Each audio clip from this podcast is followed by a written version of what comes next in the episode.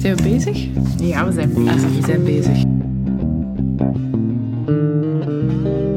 Ik ben Helene Bruyne. Ik ben Anaïs van Erstvelde en dit is Vuile Lakens. En vandaag gaan we het eindelijk hebben over dat stukje mannelijke anatomie waar we het al zo lang over hebben. Zoveel beloftes over deze podcast, maar eindelijk is hij er. De voorhuid. En het verwijderen van de voorhuid. Ehm, de eerste keer dat ik een besteed penis in handen kreeg, wist ik er niet zo goed raad mee. De voorhuid dient om snel op en neer te bewegen en dan komt de ontlading wel vanzelf na, na heel veel op en neer bewegen. Dat, dat dacht ik toch. Maar toen ik die geknipte penis voor het eerst zag, hij zag er mooi uit, een beetje zoals zo'n um, phallus uit de klassieke oudheid, was het een beetje zoeken.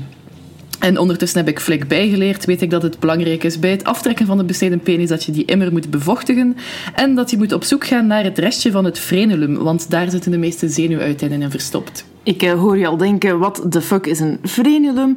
Wel, dat is gewoon Latijn voor toompje. En dan hoor ik je denken, wat de fuck is een toompje? Wel, dat is dan uh, een klein stukje huid tussen twee lichaamsdelen dat aan elkaar verbindt. Zo onder je tong zit er ook zo'n toompje. En bij besnijdenis is het dat ding dat uh, meestal grotendeels wordt afgeknipt, afhankelijk van hoe ver er precies besneden wordt. Uh, terug naar die besnijdenis dus. Het is eigenlijk maar omdat ik een besneden penis in handen kreeg dat ik er uh, gedachten ben aan gaan besteden. Ik had er eerder ook nooit aan gedacht. Ja, mannelijke besnijdenis is niet zo'n thema waar je vaak iets over hoort. Uh, want mijn toenmalige besteden partner is in het geheel niet tevreden over zijn van zijn vooruit ontane penis. Hij werd door een overijverige dokter geknipt op zijn achtste omdat zijn voorhuidje toen te strak zat en pijn deed bij het plassen. En uh, hier mag ik weer komen met de Latijnse term, dat uh, heet fimosis. Daar ben je voor aangenomen. Iets dat trouwens ook vaak overgediagnosticeerd wordt en waarvoor er ook andere methodes zijn om eraan te werken dan alleen een besnijdenis.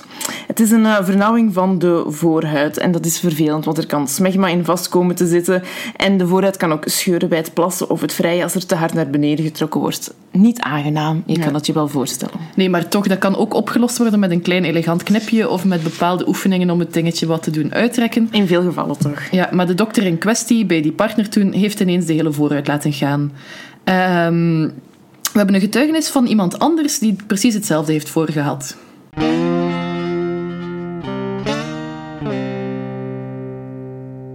Ik denk dat ik vier of vijf jaar was. Dat moest gebeuren omdat mijn vooruit uh, te nauw was. Uh, dat, is, dat was met volledige narcose dat dat is gebeurd. Dat was best wel een ingrijpende gebeurtenis. Gewoon die, die besnijdenis nog buiten beschouwing gelaten. Gewoon dat ik alleen naar het ziekenhuis moest. Mijn ouders waren er mee bezig, een speciaal een boekje voor mij gekocht. Ik weet nog wel wat voor weer het die dag was. Ik weet nog dat ik dan s'nachts in het ziekenhuis wakker werd en ik had dan zo een soort luier om. Uh, dus ja, je kon het allemaal moeilijk goed bevatten. En vooral de dag erna mocht ik dan naar huis. Maar de eerste keer dat ik moest plassen, die, dat zal ik nooit vergeten, want het heeft verschrikkelijk veel pijn. Maar dan zo, ja, zo toen ik een jaar of twaalf was, zo, dat je zo, zo begint te onderzoeken, zo, dan zag ik wel dat ik eigenlijk zo, dat is toen gehecht geweest, en die, die draadjes die hebben er te lang blijven inzitten. Dus dat ik eigenlijk zo allemaal, ja, de litteken is zo, dus met gaatjes in. Ik, eigenlijk een soort piercing eigenlijk. Dat is gewoon zo, wanneer die draadjes er vroeger moeten uitgehaald worden. Niet dat ik er enige last van heb ondervonden of zo. Ik heb er zeven jaar mee rondgelopen voor ik het zelfs nog maar heb opgemerkt. Maar naast die fimose, dus naast medische redenen om te besnijden, zijn er ook uh, besnijdenissen om religieuze redenen. Joodse jongetjes worden niet heel lang na de geboorte door de mohel-ritueel besneden. Ik geloof dat dat op de achtste dag na de geboorte gebeurt. Dat staat zo in de Bijbel. Denk aan Abraham die besneden werd. En dus moesten ook al zijn nakomelingen dat uh, lot ondergaan. We're the Bagel Boys. Song is called Circumcision Blues. I'd like to dedicate it to my good Steve Angela and my little baby nephew Levi. אחד, שתיים, שלוש, ארבע. They say that having a baby is a time of great joy, especially when you're gonna have a little boy, but I'm telling you now that En ook islamitische voorhuiden moeten er trouwens aan geloven. Dat staat niet expliciet in de Koran, maar in andere jongere religieuze teksten wordt de praktijk aangeraden of zelfs verplicht. En afhankelijk van welke islamitische stroming je aanhangt. Dat moet wel niet meteen na de geboorte, maar liefst wel voor de jongen tien wordt, doorgaans. En hoe dat gebeurt en of het eh, gevierd wordt, eh, hangt af van de regio, de stroming van de islam enzovoort. Traditioneel worden de besnijdenissen thuis gedaan, maar tegenwoordig worden islamitische jongens eigenlijk vooral besneden in ziekenhuizen onder gedeeltelijke of volledige narcose. Ja, en dat argument dat er in de islam en in het jodendom besneden wordt, dat wordt wel eens gerecupereerd uh, door mensen die argumenten zoeken tegen islam of jodendom. Op die kar willen we uiteraard niet springen. Ook omdat het gebruik helemaal niet alleen aan die twee religies gelinkt is. Het is ook veel ouder gewoon dan bij de godsdiensten. Er zijn zo Romeinse schrijvers die het uh, zeggen dat het uit het oude Egypte komt. Ik heb zelfs plaatjes gevonden van Egyptische besnijdenissen. Of ik vermoed dat het Egyptische besnijdenissen ja, ja, zie, zijn. Zie je de vuilelakens.be, daar kan je het ook zien. En ook volkeren die, zij, die Romeinse schrijvers dus beschreven als Arabisch, Syrisch, Fenicisch en Ethiopisch kenden ook iets als de besnijdenis. Maar in elk geval, wij wisten een medie te vinden die om religieuze redenen besneden is. Uh, en in de islamitische traditie. En die heeft daar nog bijzonder levendige herinneringen van. En Anaïs haalde hem voor de microfoon. Ik ben Fransman. Mijn moeder is een Française en mijn vader is een Tunesiër. En uh, ik ben 36. En ik ben uh, besneden toen ik ongeveer uh, drie, jaar, uh, drie jaar en een half was in Tunesië zelf. Um, waarom ik besneden ben, is eigenlijk meer vanwege de, het traditionele aspect ervan dat van belang was. Niet zozeer voor mijn vader, maar meer voor, van, voor de familie van mijn vader. Ik ben namelijk de eerste jongen uit de, laten we zeggen, derde generatie die geboren was. Dus uh, ik mocht er niet uh, ja, aan ontsnappen. Uh, dus een groot feest werd georganiseerd bij mijn uh, grootmoeder, mijn grootouders. En ik weet dat nog heel goed, want enkele weken op voorhand... Allez, wij gingen altijd elke zomer naar Tunesië op vakantie. iedereen zei tegen mij, ah, het wordt binnenkort je feest, het wordt binnenkort je feest. En ik verstond dat niet zo goed. Ehm, ik werd... Ja, ze hadden mij natuurlijk uitgelegd wat ging gebeuren, maar ja, je bent drie jaar, vier jaar. Het is nogal wat abstract, laat ons zeggen. Als iemand jou komt zeggen, uh, ze gaan je voorhuiden snijden en zo word je een man, en et cetera. Dus zwart, uh, ik heb me daar niet te veel zorgen over gemaakt. En die bewuste avond, dan enorm veel volk dat kwam naar het feest. En er was een orkester die muziek speelde, er was gedanst, dat, dat weet ik nog heel goed. En uh, iedereen die mij zag was uh, bijzonder uh, ja, blij om mij te zien. En ik kreeg zo speciale traditionele kledij, et cetera. dan kwam de tijd dat de dokter langskwam. En de dokter die passeerde, stelde een aantal vragen. Ik weet niet zo, meer zo goed wat hij allemaal gevraagd heeft. Wel dat ik daarna onmiddellijk een spuit kreeg in de regio van de, de penis. En dat het mij echt geterroriseerd had. Uh, ik was uh, enorm bang. Ik verstond echt plots niet uh, wat er met mij ging gebeuren, of precies wel. En ik denk dat ze mij waarschijnlijk ook sedatief hadden gegeven of zoiets, want ik viel in slaap, dat weet ik nog. Dus van de besnedenis van, van de acte zelf heb ik eigenlijk niets, niets gemerkt of herinner, herinner ik mij niets ervan. Ik weet wel dat ik wakker werd dat, omdat ik naar buiten werd gebracht, gedragen door mijn vader. En dat iedereen uh, die aanwezig was, dus uh, laten we zeggen 200 mensen, begonnen zo joejoes te maken en zo. Je weet wel, zo de, de typische kreet van de, Arabische vrouwen. En uh, de orkesten speelden nog harder en mensen begonnen te dansen. En ik had ongeveer nog geen pijn, maar ik voelde wel dat iedereen uh, mijn kleedje, want je draagt een soort kleedje, zo'n lang, lang kleedje, iedereen mijn djellaba aan het dragen was, uh, precies waar, waar, ja, mijn penis uh, stond, om te vermijden dat de djellaba in contact zou komen met de penis.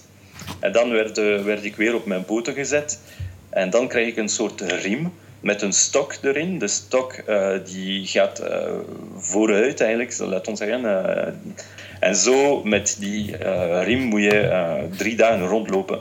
En de dagen die daarna volgden, wandelde ik dus zo op straat. En het was ongelooflijk. Alle mensen die mij zagen kwamen mij feliciteren, ook al had ik ze nooit van mijn leven gezien. Er waren oma's die mij snoep geven, gaven en zo. het, was echt, het werd wel gezien als iets enorm valoriserend. Ehm, natuurlijk hebben ze zelf nooit mijn mening gevraagd of ik dat wou doen of niet. Het was gewoon zo. Uh, het is traditie dat uh, in Tunesië tenminste, als de eerste, uh, sowieso alle jongens worden besneden. En um, voor mij was, het, was de keuze dus snel gemaakt. Nu, mijn vader is helemaal niet religieus ingesteld, helemaal niet. Hij eet varkensvlees, hij drinkt alcohol, geen enkel probleem. maar ja, het is toch iets, denk ik, die cultureel wel nog altijd ja, gekoesterd wordt, denk ik bij, bij, bij veel mannen. Ik denk dat het voor, voor mijn vader uh, een evidentie was uh, dat het uh, natuurlijk absoluut normaal was dat ik ook besneden zou moeten zijn. Kijk, in Tunesië, als je naar het bad gaat, de, de, de publiek bad, dan ga je met je, met je onkels, met je neven, met je, je vader, je grootvader. En, en dan, dan zit je geconfronteerd als kleine jongen met uh, ja, de, de anatomie van uh, de familieleden. Ja, er is uh, niemand die een, een voorhuid nog heeft. Dus je, ik denk dat het wel een soort van ritueel is dat boven eigenlijk het religieuze, et cetera, meer iets heeft van, van een soort, hoe, hoe heet dat nu weer, een rite d'initiation. Dat je nu aanvaard wordt als een man en je, wordt ook geen, je, je bent geen baby meer. Uh, ze, ze, ze, nemen dat echt zo serieus. Daar, uh, je bent een baby daarvoor en je bent besneden en dan ben je een man. En je wordt opge opgevoed om een man te worden. is uh, interessant volgens Medi is het tegenwoordig meer een cultureel ding, een ritueel om bij de groep te horen. Maar hoe is men ooit oorspronkelijk op het idee gekomen om dat stukje vlees te verwijderen? Je hoort wel eens waaien. Het gebruik is ontstaan bij woestijnvolkeren om te voorkomen dat er zand tussen de vooruit komt. Maar dat is uh, dus gewoon onzin. Daar is helemaal geen bewijsmateriaal voor. Ja, het lijkt me ook sterk dat zand uh, helemaal onder al die lage kleren kruipt en dan tussen de vooruit gaat zitten. Het lijkt me heel, een heel bizar argument. Nee, eh, sommige antropologen denken dat ritueel is ontstaan om de groepscohesie tussen mannen te bevorderen. Zo van, wij hebben pijn geleden om een echte vent te worden, daar waar onze mannelijkheid het meest zicht en voelbaar is. En ja, dat litteken is dan een soort van ja, onverbreekbare band tussen mannelijke leden van een clan. Ik kan mij er weinig bij voorstellen, maar dat is waarschijnlijk omdat ik geen penis heb. En uh, terug naar vandaag de dag dan. Wij uh, Europese vrouwen en ook wel mannen die niet vaak buiten de grenzen van de eigen groepen neuken, kijken wel eens op van een besneden penis. Dus vaak onder ons, onder vriendinnen, hoor je als ja. iemand een besneden penis in bed heeft, dan is dat zo'n ding. Dan wordt er gesproken van, ah, heb jij dat al een keer gehad? Wat, moet moeten we daarmee doen? Is het anders? Is het heel anders? Help me. Maar uh, in de Verenigde Staten is het uh, net omgekeerd. Ik herinner mij, sorry dat ik uit Sex and the City ga citeren, maar... maar het is echt een heel bekende scène. Ja. Waarbij Samantha vertelt over hoe ze geslapen heeft met alweer een man. En die bleek niet besneden te zijn. En de rest van het gezelschap uh, was zo walgend aan het, uh, aan het roepen dat het... Uh, ja, de befaamde ja. woorden, een charpé van een penis. Ja, zoiets. Ik wist niet wat ik me daarmee toen moest voorstellen op dat moment. Het was pas later dat ik me realiseerde dat bijna alle mannen in de VS besneden zijn. Ja, in wezen dat dus zo'n 80% die besneden zijn. En dat is helemaal niet, of lang niet allemaal, vanuit religieuze overwegingen.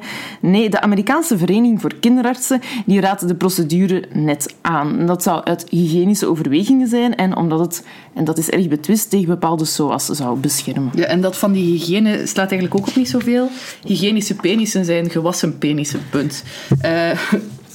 Punt en onderstrepen. Hygiënische penissen zijn gewassen penissen. Dus was je penis vooruit of niet? Um, en dat van die eventuele bescherming tegen SOA's en HIV's is uh, dus inderdaad gebaseerd op onderzoek dat uh, zwaar gecontesteerd wordt.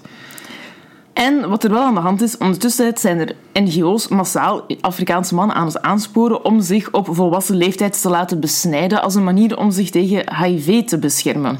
En er is onderzoek dat aantoont dat dat eigenlijk helemaal niet zo'n goed idee is. Niet alleen omdat de voordelen beperkt zouden zijn, maar ook omdat het risico bestaat dat mannen zoiets hebben van kijk, ik ben besneden, ik ben eigenlijk al beschermd tegen HIV, moet ik nu echt nog een condoom aandoen? Ik denk het niet. Ja, een slecht idee. Dus nog eventjes op een stokpaardje van ons hameren. Um, ze zouden beter vrouwencondooms verspreiden in die regio's foto's. Maar dit geheel terzijde. Dat is weer kastje van de vrouwencondoomindustrie, hoor. Um, dus uh, ondanks het feit dat de cijfers over de voordelen van besnijdenis allemaal vrij wankel zijn, moeten zowat alle Amerikaanse jongetjes eraan geloven. En dat heeft eigenlijk minder met de wetenschap te maken dan met een paar gekke Victorianen. Geen vuile lakens aflevering zonder dat we een paar Victorianen onder de bus kunnen gooien. en uh, het gaat nu vandaag over uh, Victoriaanse denkers die dachten dat er heel wat gezondheidsproblemen een oorsprong hadden in iets wat we allemaal wel graag doen, namelijk, ja, u raadt het al, masturberen. En de bron van, uh, van veel sneupraktijken was een 18e-eeuwse traktaat van een onbekend schrijver met de lekkerbekkende titel. Ja, je mag het helemaal voorlezen. Hier gaan we. Onania, or the heinous sin of self pollution, and all its frightful consequences in both sexes, considered with spiritual and physical advice to those who have already injured themselves by this abominable practice. Ja. Prachtig dat traktaat. Zelfbevrediging, zo stond er daarin te lezen, zou leiden tot onvruchtbaarheid, epilepsie en een gewond geweten, wat dat dan ook mogen betekenen. Uh, iemand die daar keihard in geloofde was uh, Dr. John Harvey Kellogg, die van de cornflakes inderdaad. Hij propageerde strikte onthouding en het verwijderen van, van masturbatie. Seks mocht natuurlijk wel als je van plan was om er een kind mee te maken. Maar um, bij die onthouding zou het verwijderen van de voorhuid wel eens kunnen helpen, dacht hij. En ook het eten van cornflakes. Uiteraard. Dat dacht hij ook. Um, en uh, Kellogg was een beetje een sadist, want hij had ook uh, het fijne plan opgevat om uh, dat de mannen voornamelijk moesten besneden worden zonder verdoving, omdat de pijn die de operatie zou veroorzaken dan een extra zuiverend effect zou hebben en ook mannen zouden doen laten denken aan pijn als ze zichzelf ja, zouden Pavlov, willen. Pavloviaans pijneffect op de penis. Heel aangenaam. Ja. Maar vreemd genoeg had Kellogg's besnijdingscampagne echt succes. Meer en meer dokters begonnen te doen. meer en meer medische, medische um, tijdschriften en zo begonnen te schrijven over de voorhuid en hoe die te verwijderen. Uh, een, een tijdschrift heeft 1890 beschreef smegma als infectious material en het verwijderen van de voorhuid zou helpen om dat te verwijderen. Ah ja, de voorhuid werd daarin uh, een teken van Satan genoemd? Ja, ja, ja zeker. En dan um, in, boeken voor, in opvoedingsboeken voor moeders en zo werd de praktijk ook aangeraden. Um, ja, was echt een slechte moeder als je ja. je kind niet liet besnijden, zoveel was duidelijk. Nog een andere leuke dokter, uh, Peter Charles Raimondino, schreef ook een boek over de besnijdenis. En het is ook wel even leuk om hem te citeren, want hij de beschreef de voorhuid... Could weaken a man physically, mentally and morally to land him perchance in jail or even in a lunatic asylum. En hij daagde ook verzekeringsmaatschappijen aan om mannen die niet besneden waren hogere premies aan te rekenen. Ja. Want die waren echt een, risico, een risicogeval. Nu, ondanks al die, uh, die campagnes haalde dat allemaal niet veel uit. Mannen bleven natuurlijk driftig rukken, met of zonder voorhuid. Maar uh, gaandeweg werd besnijdenis wel geassocieerd met reinheid en werd dus gewoon common practice.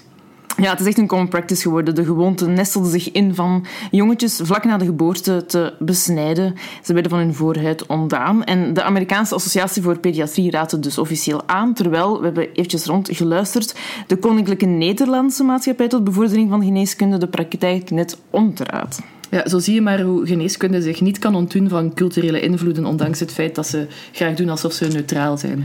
En wat je de laatste jaren in de VS heel erg krijgt, zijn tegengeluiden. Mannen die in actie komen, die echt zo protestacties organiseren, die op allerlei sites en forums hun mening geven over het feit dat ze besneden zijn en die daar ook echt niet van gedaan zijn. Ze hangen het internet vol met berichten over dat ze toch wel het gevoel hebben dat ze een beetje een trauma ondergaan hebben en dat ze lamenteren over de gevoeligheid die ze verloren zijn.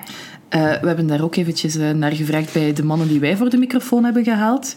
Sommigen van hen bleven onverschillig. Ja, uh, dan is een vriend van ons, toen hij hoorde dat we een podcast over besnijdenis gingen maken, had zoiets van, waar ga je het in godsnaam over hebben? Want mijn besnijdenis zegt me niks. Dat was gewoon een kleine medische ingreep. Nooit over nagedacht, nooit last van gehad. Het is toch een beetje anoniem, hè? Ik heb er... ja, nee, totaal geen, totaal geen negatieve connotatie bij.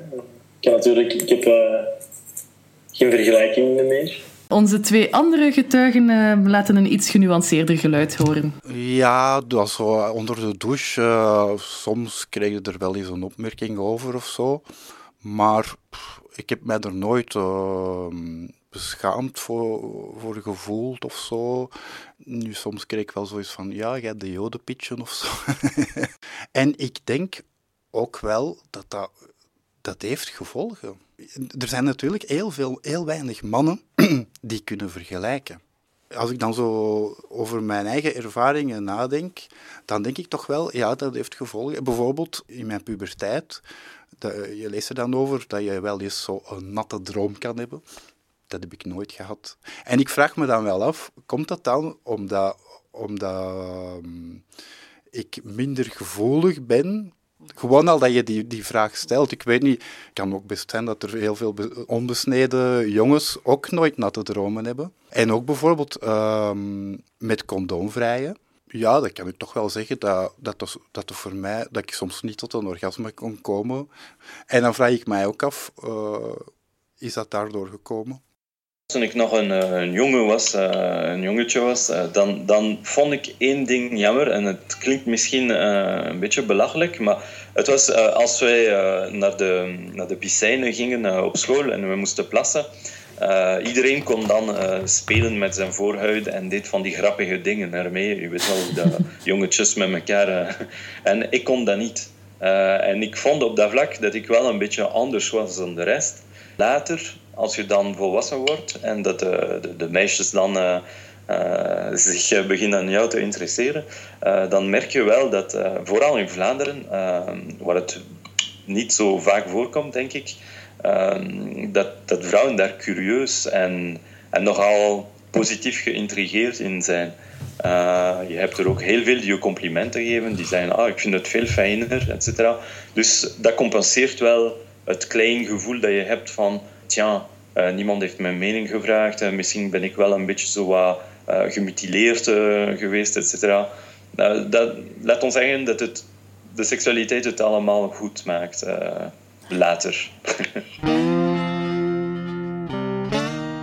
Inderdaad, een stukje genuanceerder dan de doemdenkers op het internet, maar toch, die zwaaien wel met studies. Uh, er zijn onderzoeken die aantonen dat de gevoeligheid voor aanraking vermindert bij een besneden penis, maar de, de gevoeligheid voor druk zou dan verhogen. En er is ook een studie die aantoont dat penetratie met een besneden penis effectief een heel ander beestje is dan penetratie met een onbesneden penis. Ik heb het stukje voor mij liggen. Ik weet niet of jij het kunt uitleggen, Helene, want ik vind het heel moeilijk om te vatten wat dat nu precies het verschil is. Maar we zullen de, de studie in ieder geval ook op de website uh, zetten, maar het gaat erom dat het, het is eigenlijk een soort mechanica die verandert, omdat de, de, de, de voorhuid als een soort stootkussen dient, dat er eerst in gaat en dan floept de penis er nog uit, waardoor de wrijving helemaal anders is en dat er zo meer glijdend gevreden wordt. En bij een besteden penis is het allemaal harder en stotender en is de hoek ook net ietsje anders. Ja, het lijkt eigenlijk bijna een soort onderzoek van een ingenieur.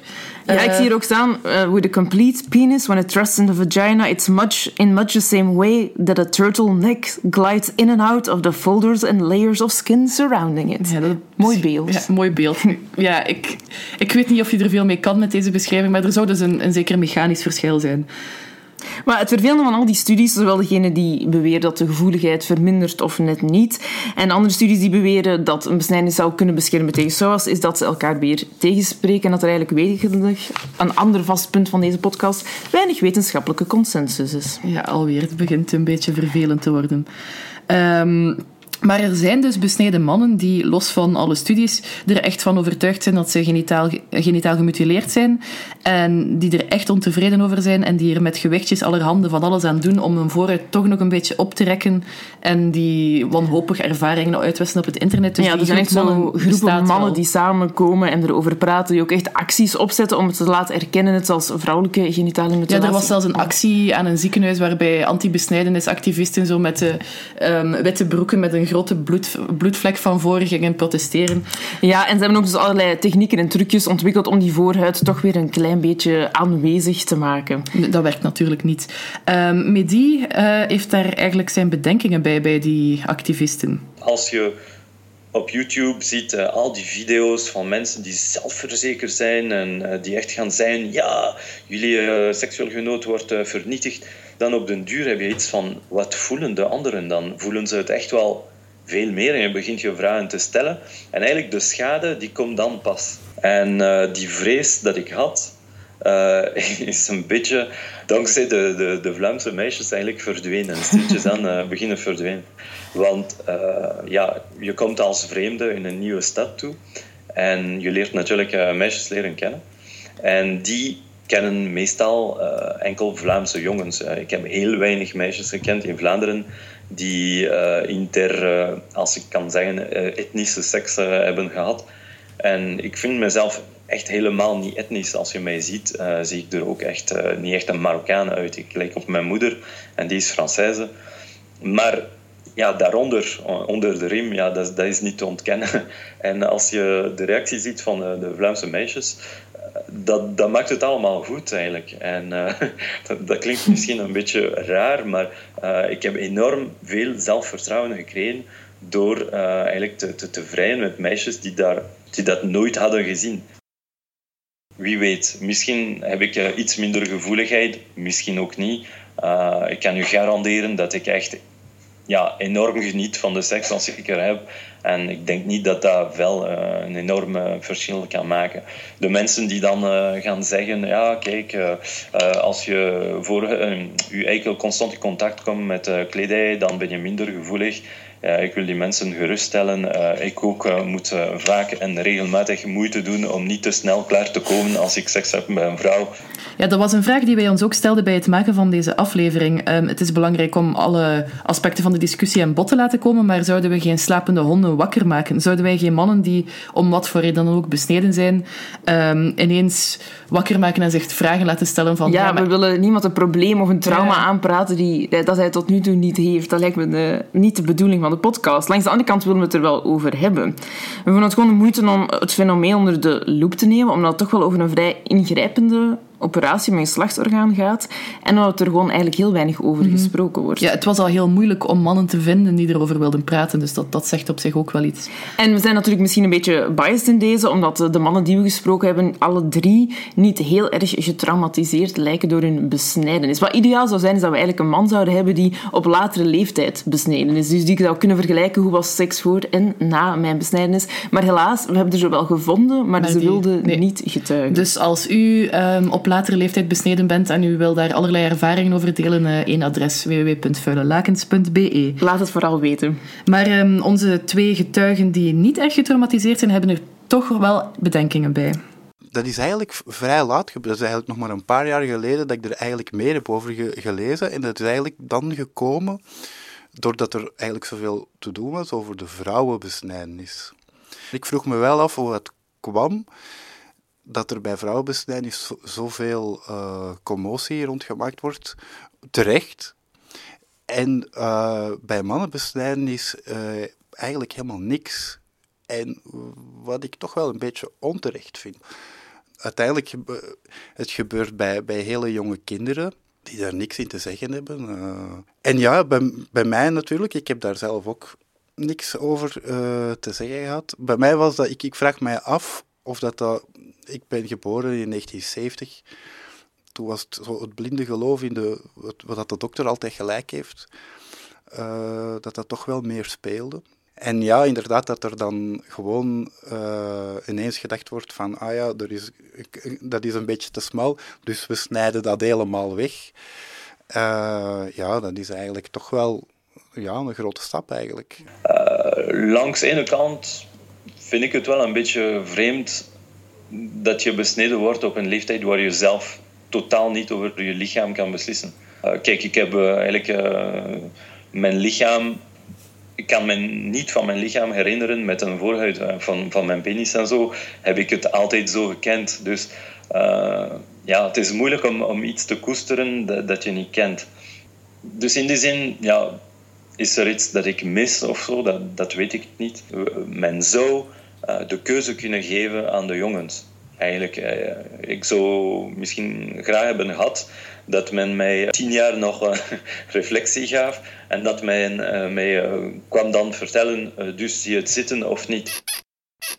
Ze vinden met andere woorden dat het eigenlijk niet zo vroeg zou moeten gebeuren. Dat, ja, dat op een leeftijd dat je eigenlijk geen beslissingen kunt maken over je eigen lichaam, dat het je niet opgedrongen mag worden. En dat lijkt me wel iets om over na te denken. Nog iets om over na te denken. We zijn er de aflevering mee begonnen met mijn verwarring. wat doe je eigenlijk als je plots zo'n besneden penis in bed krijgt? Wel, u bent uh, lucky, want Mehdi heeft nog enkele tips voor ons in petto. Technisch gezien zijn er wel wat mhm. verschillen. Bijvoorbeeld, uh, ja, bij masturbatie, je, je merkt heel snel en zelfs als je naar een, een pornofilm kijkt, dat mannen met een voorhuid uh, zich anders masturberen dan mannen zonder voorhuid. En je merkt dat wel bij sommige vrouwen. Uh, ze doen het verkeerd. En je moet ze uitleggen van... Uh, sorry, maar ik heb geen voorhuid, dus als je het zo doet, doet het pijn.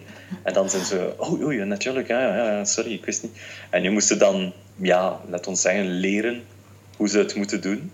Niet te veel letten op de litteken dat er aan de basis van de eikel uh, zit. Want dat is heel vaak iets.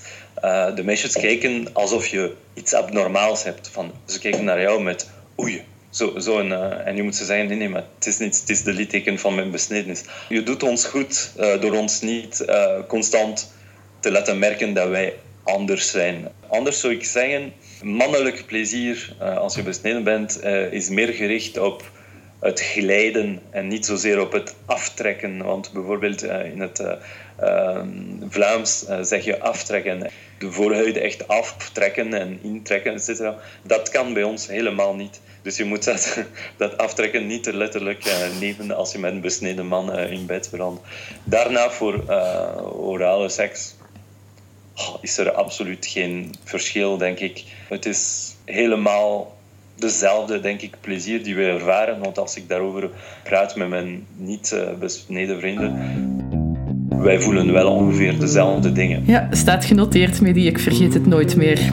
Wel, dit was Velle Lakens. Bedankt voor het luisteren.